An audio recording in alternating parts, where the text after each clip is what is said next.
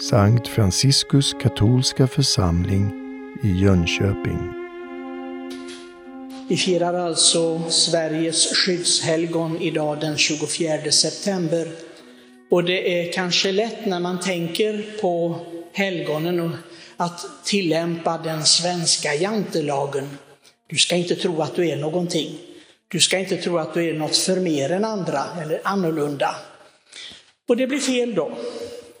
Därför att varje människa är unik och samtidigt varje människa är ägnad åt och skapad för helighet. Det är ingen av oss som kommer undan den här kallelsen, oavsett hur vi snurrar på det och tycker att men jag är väl inte något speciellt, vadå helgon, de är speciella. Och det är kanske också ett problem där, att vi får för oss med, och tyvärr är det ju så som moder Angelica ofta sa, hon, när hon läste helgonbiografier så önskade hon att de som skrev helgonbiografier om fantastiska saker, att de fick minst 40 år i skärselden, därför att de gjorde helgonen så ouppnåeliga, så omänskliga. Hon sa det är fel, för det var de inte. Den som känner till helgon, men vet att också de gör fel. De är också mänskliga. De fick också be om förlåtelse, bikta sig och gå till Herrens altare och be om nåd för sig själva och för andra. Och så det är märkligt med många av de här helgonbiografierna. Jag många gånger när jag läser de här fantastiska sakerna, då lägger jag boken ifrån mig och säger, det här stämmer inte. Det här är mer i författarens fantasi eller önskedrömmar som det var på det viset. Och det är klart att det finns personer som har fått speciella nådegåvor. Vi har ju firat för några dagar sedan den helige Josef av Cupertino, den helige Franciscus stigmatiserum. Men det är speciella nådegåvor, inte för deras skull, utan för att det behövdes i kyrkan just då. Och det tänker vi inte på. Och liksom om jag är, går omkring och är besviken för att inte jag också flyger i taket när jag ber, eller att eh, jag ser strålar och änglar och grejer, jag vet inte vad, som heliga Birgitta tyckte se när mässan firades. Då är det något fel på hur jag ser på heligheten. Evangeliet beskriver ingenting sådant. Ingenting sådant. Herren säger att den som tror på honom, ja, ska kunna ta ormar i händerna och dricka gift. Det säger han.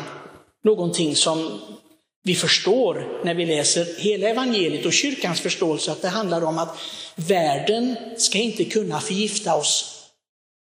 Det finns så mycket som vill bita oss, som vill förgifta oss, förstöra oss och bryta ner oss, dra oss bort från Gud. Det är det det handlar om. Men den som tror på honom, den kommer inte att lida av detta.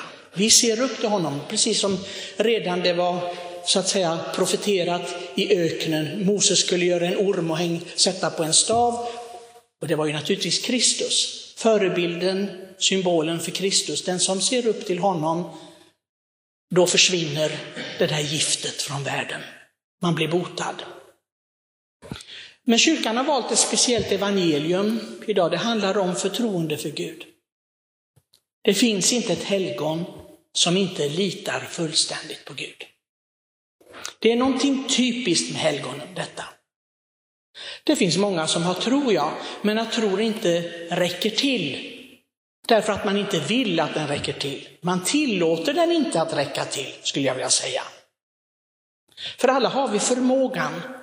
Det finns ingen som kan säga, ja men jag har sån belastning i livet, att det, jag kan inte uppnå någon slags helighet. Vad, vad, vadå? Och det är fel. Det är fel. Kom till mig, säger Herren, kom till mig med mera bördor. Han vet vilka bördor var och en bär på. Och sen en annan sak, att vi aldrig ska jämföra oss med andra. Jag brukar ju säga det, ni har hört det många gånger, att jag skrattar åt folk som säger när de tittar på mig i franciskandräkt och så ser de kanske skor på fötterna och säger, ska en franciskan ha skor? Men Franciscus gick ju barfota. Ja, han, han levde inte i det huset som vi lever i heller. Så, så, så jag, jag, jag ger mig gärna ifrån här och bor i en hydda i skogen så slipper jag församlingen. Det är jätte... Han hade ingenting sånt att tänka på. Han tog inte hand om några renoveringar eller uppehålla en församling på flera tusen. Det, det, han struntade i allt sånt. Det är, det är lätt att leva fattigdom då. Jag sa, men vi ska inte jämföra oss med andra.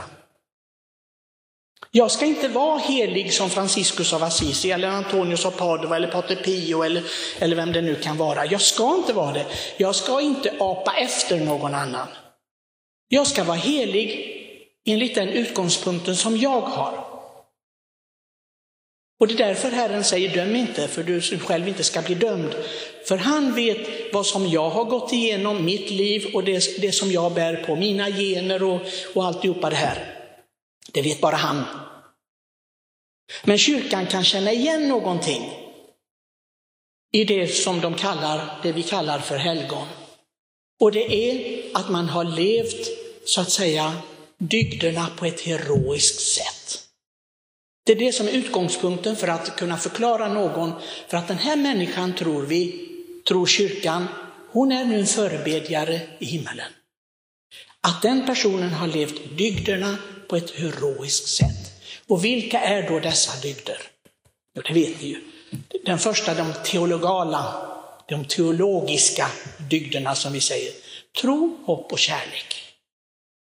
De ska man ha levt på ett heroiskt sätt. Det vill säga att de blir ledande i livet. Att de bär en i livet.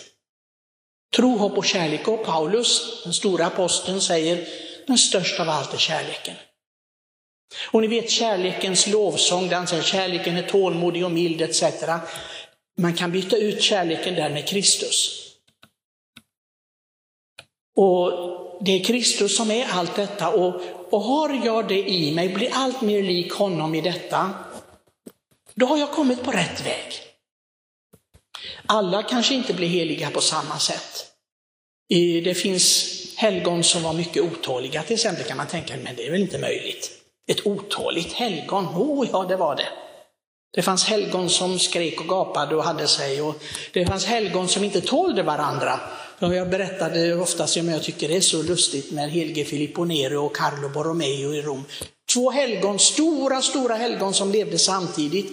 När den ene fick se den andra gå på gatan, då gick de över på den andra sidan för att slippa hälsa på varandra. Det var två helgon där, de är helgonförklarade av den heliga moderkyrkan. Så vi ska inte ge upp, vi tänker, ja men jag har sådana defekter, jag kan inte bli helig. Och så tänker vi kanske idag när vi firar heliga, kända och mindre kända eller okända helgon i Sverige, kan man verkligen bli helig på våra breddgrader? Hör det inte till medelhavsområdet eller vad det nu kan vara? Klart att det är massor med, med troende där och klart att man är lättare att hitta några helgon där. Men kyrkan har hittat några helgon här också. Det är mindre befolkning, mindre historia kan man säga, en annan historia. Men de heliga finns här också och har funnits. Och det är fantastiskt att tänka på de helgonen som har kommit hit. De har lämnat allting i sina hemländer, sin trygghet, sitt språk och allting. Kommit hit och missionerat och blivit heliga. Och det ingick i deras process att bli helgon. Så jag tycker inte vi ska gå upp, jag tror att det som är meningen med den här skyddshelgonfesten i Sverige, att vi påminns om detta. Du ska också bli helig. Du ska också tillhöra Kristus och gå med honom hand i hand, tätt, tätt, tätt intill honom. Och inte inte bli liksom distraherad så mycket. Det är det som Jesus säger i evangeliet. Med allt möjligt i världen, oroa dig för allt möjligt och, och mindre möjligt. Du, du, du ska fokusera på mig. Och det är klart, då lever vi ett normalt liv, men ändå är det upphöjt. Inte normalt. Som andra människor som bara bökar ner i jorden med sin oro, sin, sin rädsla och vad det nu kan vara. Låt oss bli heliga, för det är det vi är kallade till. Allihopa här. Alla utan undantag. Och ni Sveriges helgon som har nått fram, be för oss, be för vårt land. Vi har verkligen behov av er förbön. Amen.